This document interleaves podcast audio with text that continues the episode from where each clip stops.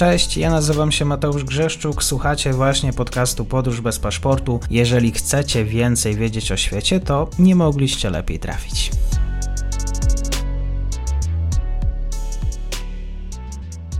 Partnerem odcinka jest Oanda, TMS Brokers, dom maklerski obecny na rynku już od ponad 20 lat. W opisie odcinka znajdziecie link do aplikacji, której możecie otworzyć konto maklerskie i grać na giełdzie, a wcześniej potrenować na koncie demonstracyjnym. Jeżeli otworzycie konto za pośrednictwem tego linku, dostaniecie na start książkę o tematyce inwestycyjnej. Zapraszam, Mateusz. Dzień dobry Państwu, dzień dobry wszystkim słuchaczom. Już po dłuższej przerwie ze mną jest dr Jarosław Błaszczak, bo tutaj duże zmiany, drodzy Państwo. Będziemy rozmawiać o Australii. Dzień dobry, bardzo mi miło. Dzień dobry, dziękuję za zaproszenie. Jeżeli właśnie Australii, to oczywiście z, z Jarkiem. Jarku, co zrobił król Karol III, że Australia nie chce już go na banknotach? Może to w rytm pytania, jak zareagowała Australia na smutne wydarzenie jeszcze, śmierć królowej Elżbiety i czy udało im się już pogodzić z myślą o nowym królu? Australia oficjalnie zareagowała tak, jak powinna zareagować, czyli gubernator generalny, czyli ten urzędnik, który na co dzień zastępuje monarchinię czy monarchę w Australii, wygłosił specjalną proklamację. Odbyły się podniosłe patriotyczne uroczystości. Premier chodził długo w czarnym krawacie, zresztą podobnie jak wszyscy najważniejsi politycy. Specjalny dzień wolny od pracy ustanowiono 22 e, września. Więc jakby oficjalnie Australia wyglądała na lojalne państwo, pełne lojalnych poddanych, natomiast oczywiście był to pewien sztafaż, pewna dekoracja, bo tak naprawdę Australia jest w trakcie bardzo intensywnej i wielowymiarowej dyskusji o swojej nowej tożsamości. I ja bym postrzegał tą sytuację dotyczącą banknotu pięciodolarowego, której wspominasz jako po prostu jeden z symptomów tej sytuacji. To znaczy, Australia bardzo mocno i pod wieloma względami zastanawia się, kim tak naprawdę jest jako państwo, jako społeczeństwo. I wydaje mi się, że bardzo trudno, chociaż może pozornie te tematy są odległe, ale z mojej perspektywy trudno jest oderwać debatę w tej chwili o relacjach brytyjsko-australijskich na takim poziomie, może mniej politycznym, wojskowym, bardziej kulturowym, instytucjonalnym, od debaty o roli i prawach aborygenów, rdzennych mieszkańców Australii. A pamiętajmy, że to jest rok, w którym mają się, ma się odbyć referendum w sprawie ustanowienia tak zwanego głosu aborygenów przed parlamentem, więc to jest temat numer jeden w tym roku w australijskiej polityce. Mhm, y, to jeszcze z, zaraz pytam o te relacje, ale jeżeli chodzi o, o kwestię tego banknotów, fakt, że nie chcą świeżo upieczonego króla y, na banknotach, czyj był pomysł? Skąd się znaczy, to jest decyzja to jest decyzja banku centralnego. Bank centralny odpowiada za e, jakby formę banknotów i wolnych środków płatniczych. Natomiast sondaż, który został przeprowadzony na zlecenie Sydney Morning Herald, czyli jednej z najważniejszych australijskich gazet, pokazywał, że tylko 34% Australijczyków, przynajmniej ankietowanych, chciałoby, żeby banknoty dalej zawierały, to nowo wydawane, zawierały monarchę. E, tylko, że chciałbym podkreślić, że ja bym tego nie traktował tak bardzo jako głos przeciwko Karolowi czy przeciwko monarchii, tylko bardziej za po prostu zaakcentowaniem innych wartości. Bo musimy pamiętać, że zamiast Karola na tym banknocie pojawią się motywy związane właśnie z kulturą aborygeńską. I myślę, że spójrzmy na, jakby bardziej na to od strony, co Australijczycy chcą poprzeć, co zaakcentować, a mniej co chcą przekreślić, bo to nie jest takie do końca zero-jedynkowe. Co chcą za, zaakcentować w takim razie? Chcą zaakcentować swoje zróżnicowane dziedzictwo, bo kiedy spojrzymy na taką tradycyjną historię Australii, tradycyjną jej narrację, to Australia nam się jawi jako taki kraj, który brytyjscy skazańcy założyli na ziemi, gdzie byli jacyś dzicy. No tak się wiele długo o aborygenach mówiło. Aborygenów traktowano w pewnym sensie w sposób no niewiele lepszy od zwierząt, to znaczy pomijając nawet, że byli bardzo źle traktowani na płaszczyźnie takiej ich praw, ale też nawet do lat 60. w spisie powszechnym w ogóle nie, nie uwzględniano ich, przynajmniej nie było takiego obowiązku. Oni byli traktowani jako element właściwie flory i fauny. I stopniowo, stopniowo oczywiście postępowała ta ich emancypacja. W tym momencie od strony prawnej ich sytuacja jest lepsza niż kiedyś, chociaż oni mówią, że dalej jeszcze zła, natomiast jest absolutnie fatalna, gdy spojrzymy na takie po prostu twarde wskaźniki społeczne. Na przykład oni są zdecydowanie nadreprezentowani w więzieniach, są zdecydowanie nadreprezentowani w poprawczakach, mają dużo niższą średnią długość życia niż biali i można by mnożyć te przykłady. Mają koszmarne problemy rodziny aborygeńskie z takimi zjawiskami jak alkoholizm czy przemoc domowa i też państwo, można mocno dyskutować, na ile sobie z tym radzi. E, więc jakby ci aborygeni przez wiele lat byli zaniedbywani, doprowadzono do takiej deprywacji społecznej tej społeczności i teraz na fali też e, różnych dyskusji, które się toczą, e, jakby jest taki duży nacisk na akcentowanie tej części dziedzictwa. To znaczy, mówi, Australijczycy mówią o sobie, przynajmniej tak chce tego rząd premiera Albanese, że wszyscy jesteśmy Australijczykami i to jest nasza wspólna historia i każdy wnosi swój kawałek dziedzictwa. Mhm. Ale jeszcze tłumacząc słuchaczom, y, aborygeni znajdują się w tak trudnej sytuacji, ale jaki jest tego powód? Co skłoniło ich do tego, że dzisiaj y, każdy turysta, który ma chęć zaznać pierwszej Australii, tej, tej Australii, nie wiem czy dobrze teraz powinniśmy mówić rdzennej, to, to spotyka ich po prostu pod sklepami żebrzących, mieszkających w parkach, w gronie tych epitetów, o których wspomniałeś. No to jest jakby bardzo, myślę, długa historia tego, że kolejne rządy, właściwie całe pokolenia australijskiej polityki, no nie radziły sobie z jakimś sensownym zintegrowaniem ich ze społeczeństwem, a te próby, które były podejmowane, dzisiaj są oceniane skrajnie krytycznie. No, takim najbardziej skrajnym przykładem były tak zwane skradzione pokolenia, kiedy dzieci aborygeńskie po prostu siłowo odbierano rodzicom i wtedy wychodzono z założenia, że jak się takiego bardzo małego aborygena da do białej rodziny, czy do prowadzonego przez białych ośrodka, e, jakiegoś takiego no, typu dom dziecka, to, to sprawi, że on stanie się kulturowo biały. No okazało się, że absolutnie tak nie jest. I na przykład w australijskiej socjologii jest bardzo bogata literatura, która pokazała, pokazuje, że ci ludzie są kompletnie jakby oderwani od swoich korzeni. Bardzo ich to skrzywdziło, krótko mówiąc. I też jak na przykład pomyślimy sobie o terytorium północnym, czyli o tej części Australii e, najbardziej pustynnej, gdzie między innymi jest też ta słynna skała Uluru, zwana kiedyś Ayers Rock, no to tak, z perspektywy turystów to jest to miejsce, gdzie właśnie można poczuć tą kulturę aborygeńską, ale jak zobaczymy na różnego typu właśnie statystyki społeczne, zwłaszcza tej części Australii, no to ona, tam, tam są szokujące różnice między tą częścią kraju, a na przykład Nową Południową Walią, czyli tym, tą, tym stanem, którego stolicą jest Sydney. Więc yy, no i między innymi z tego biorą się też postulaty aborygenów. Jednym z takich postulatów jest postulat tak zwanego traktatu, który ma być takim dokumentem, taką konstytucją, która na nowo zdefiniuje yy, stosunki państwa z aborygenami. Drugim postulatem, o którym już wspomniałem, jest stworzenie takiego ciała, które ma być zapisane w konstytucji i to też jest bardzo ważne, bo konstytucja Australii w tej chwili w ogóle nie zawiera wzmianki o aborygenach i to ciało miałoby prawo e, reprezentować, ono nie byłoby częścią parlamentu, to warto podkreślić, natomiast byłoby stałym, umocowanym konstytucyjnie organem doradczym parlamentu. Mhm. Zatem, żeby wprowadzić e, zmiany, trzeba również zatrzeć ślad e, po starym. Czy właśnie te relacje e, brytyjsko-australijskie będą czymś w, w myśl zacierania śladów, zapominania? Jak Australijczycy chcą myśleć o, o swojej no, jednak podręcznikowej historii? Myślę, że to trochę zależy od poglądów politycznych, bo widzimy, jak się czyta badania na ten temat politologiczne czy socjologiczne, to troszeczkę inaczej na to patrzą na przykład wyborcy prawicy czy konserwatyści w ogóle szerzej, inaczej na to patrzą e, wyborcy bardziej lewicowi.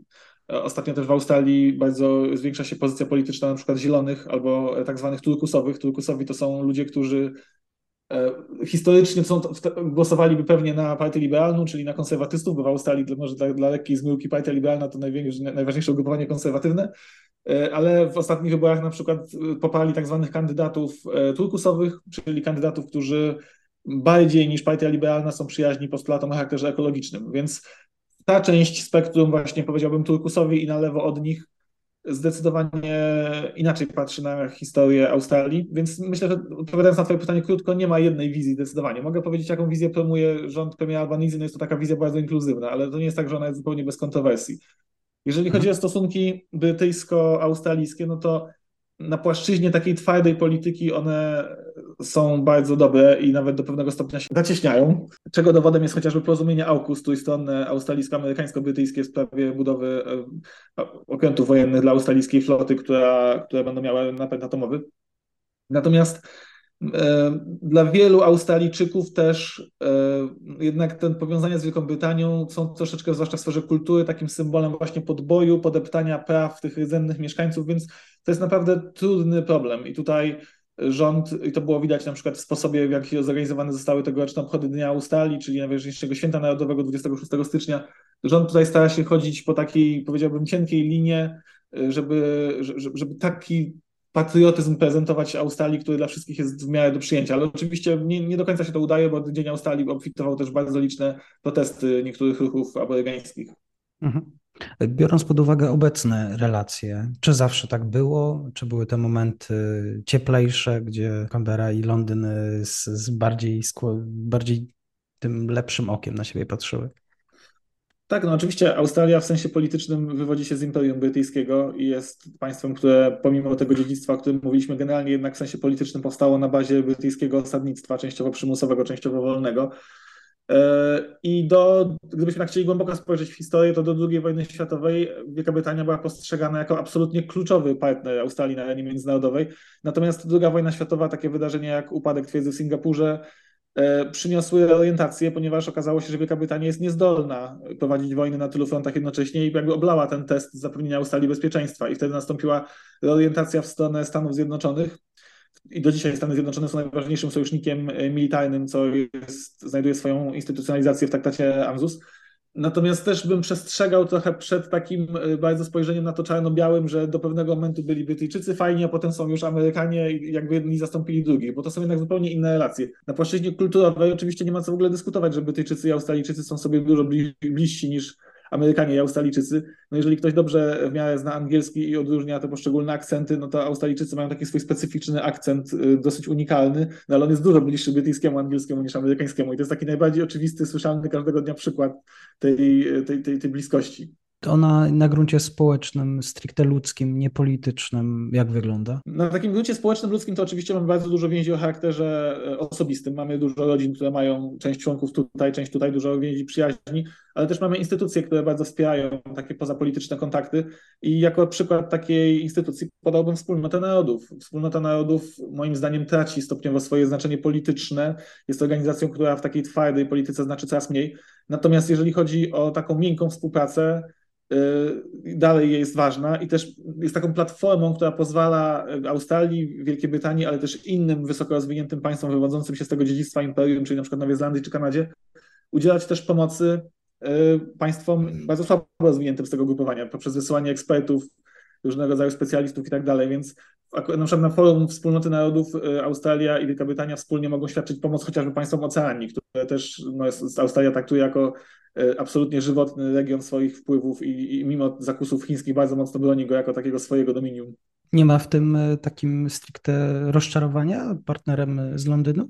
Wiesz co, ja nie wiem, ja bym tego chyba nie nazwał rozczarowaniem, ja bym to nazwał taką ewolucją relacji, to znaczy jeżeli jakaś relacja trwa ponad 100 lat, czy właściwie 120, czy, a moglibyśmy spojrzeć na to jeszcze dalej, bo przecież ta pierwsza flota, która w 1788 roku przybyła i zatknęła tą flagę tam, gdzie teraz jest Sydney, no to byli przecież brytyjscy oficerowie, brytyjscy skazańcy, więc wiadomo, że tak długi związek będzie ewoluował i też Australia się zmienia, Australia szuka przez, ten, przez lata swojej tożsamości, Australia też nawet takiej wewnętrznej dyskusji i zarówno na płaszczyźnie polityki wewnętrznej, jak i polityki zagranicznej miała takie momenty, że sama się zastanawiała, czy jest państwem bardziej zachodnim czy azjatyckim pod wieloma względami. Bo tu jeszcze ten wektor azjatycki też do tego można dodać. Więc no na pewno te relacje są inne niż 100 lat temu i na pewno, zwłaszcza na australijskiej lewicy, jest chęć do takiego odcięcia się od dziedzictwa um, Imperium i Wielkiej Brytanii, ale też z drugiej strony pamiętajmy, że kiedy w 1999 roku Australijczycy mogli jednego dnia pozbyć się e, monarchii, bo było referendum, no to zabrakło do tego większości. Zastanawiam się też, bo kiedy mowa o często o pisaniu e, historii na nowo, pewnych, e, pewnej narracji, e, politycy mają do tego skłonność, żeby zastępować oczywiście jeden obszar drugim obszarem. I tutaj pojawia mi się właśnie to pierwsze Twoje zdanie dzisiejszego spotkania, że, no, że Australia chce w pewien sposób napisać się na nowo. I na ile jest to może projekt polityczny, na ile jest to rzeczywiście jakaś potrzeba Australijczyków na to, na siebie, żeby mieć pomysł na to, jak mówić o sobie, jak patrzeć na swoją historię. Znowu, Myślę, że trudno jest mi powiedzieć coś w imieniu wszystkich Australijczyków, bo też jest duża różnica poglądów w tej sprawie, ale wydaje mi się, że kiedy porównamy Australię nawet z innymi państwami o podobnej historii, z Kanadą, ale przede wszystkim z Nową Zelandią, która jest, że tak powiem, zamiedzą, to jednak ten poziom e, takiego pojednania, jakiegoś włączenia ludności jedzennej w instytucje polityczne jest no nieporównywalny. I e, Aborygeni są bardzo słabo reprezentowani w australijskiej polityce, czy w australijskim takim codziennym życiu, mm, zwłaszcza na poziomie takim bardziej elit społecznych, niż na przykład Maorysi w Nowej Zelandii. Więc e, ja bym tutaj, oczywiście e, na przykład lider opozycji obecny Peter Dutton, który jest dosyć mocno konserwatywnym politykiem, troszeczkę wiąże tego typu postawy z tym, co się po angielsku nazywa woke, tak? czyli taką przesadną poprawnością polityczną, która czasami może zaburza debatę, ale ja myślę, że, że, że, że to są może troszeczkę za, za duże armaty, to znaczy przez praktycznie 200 lat traktowano tą ziemię, którą aborygeni zamieszkiwali jako ziemię niczyją. Samych aborygenów traktowano jako jakichś dzikusów, których można do, tam dobrotliwie wychowywać. Do tego stopnia, że na przykład prawnie zakazywano całym dużym społecznościom aborygeńskim, dorosłym ludziom kupowania alkoholu. Na zasadzie, i to, i to była prohibicja jakby taka bardzo selektywna. To, to było, oni byli strasznie protekcjonalnie traktowani. Wyrządzono im bardzo dużo różnych krzywd i a na przykład te konflikty, nawet zbrojne, no oczywiście tam, tam była ogromna różnica potencjału militarnego i tak dalej, ale no to, że były takie momenty, kiedy aborygeni po prostu walczyli z bronią w ręku z białymi, w ogóle w większości australijskich historii nie są klasyfikowane jako jakieś istotne konflikty wewnętrzne. Więc y, jednym z postulatów, w ogóle aborygeni w 2017 roku zorganizowali taką bardzo ważną konwencję działaczy tego ruchu, która odbyła się właśnie u stóp skały Uluru i tam sformułowano taki bardzo już dzisiaj znany w Australii dokument pod tytułem y, deklaracja spod uluru od serca. I jednym z postulatów tego dokumentu, oprócz tych rzeczy, o których już wspomniałem, było też mm, szukanie jakiejś takiej prawdy historycznej właśnie w rozmawianiu o historii Australii, która no, nie byłaby narracją tylko jednej strony. Bardzo dziękuję za dzisiejszy komentarz. Dr Jasław Błaszczak. Mam nadzieję do usłyszenia. Dziękuję. Bardzo dziękuję. I to już koniec na dzisiaj. Zapraszam na profil podcastu Podróż bez paszportu na Facebooku, Instagramie i Twitterze. Zachęcam też do wsparcia mojej pracy na serwisie Patronite oraz Buy Coffee. Do usłyszenia.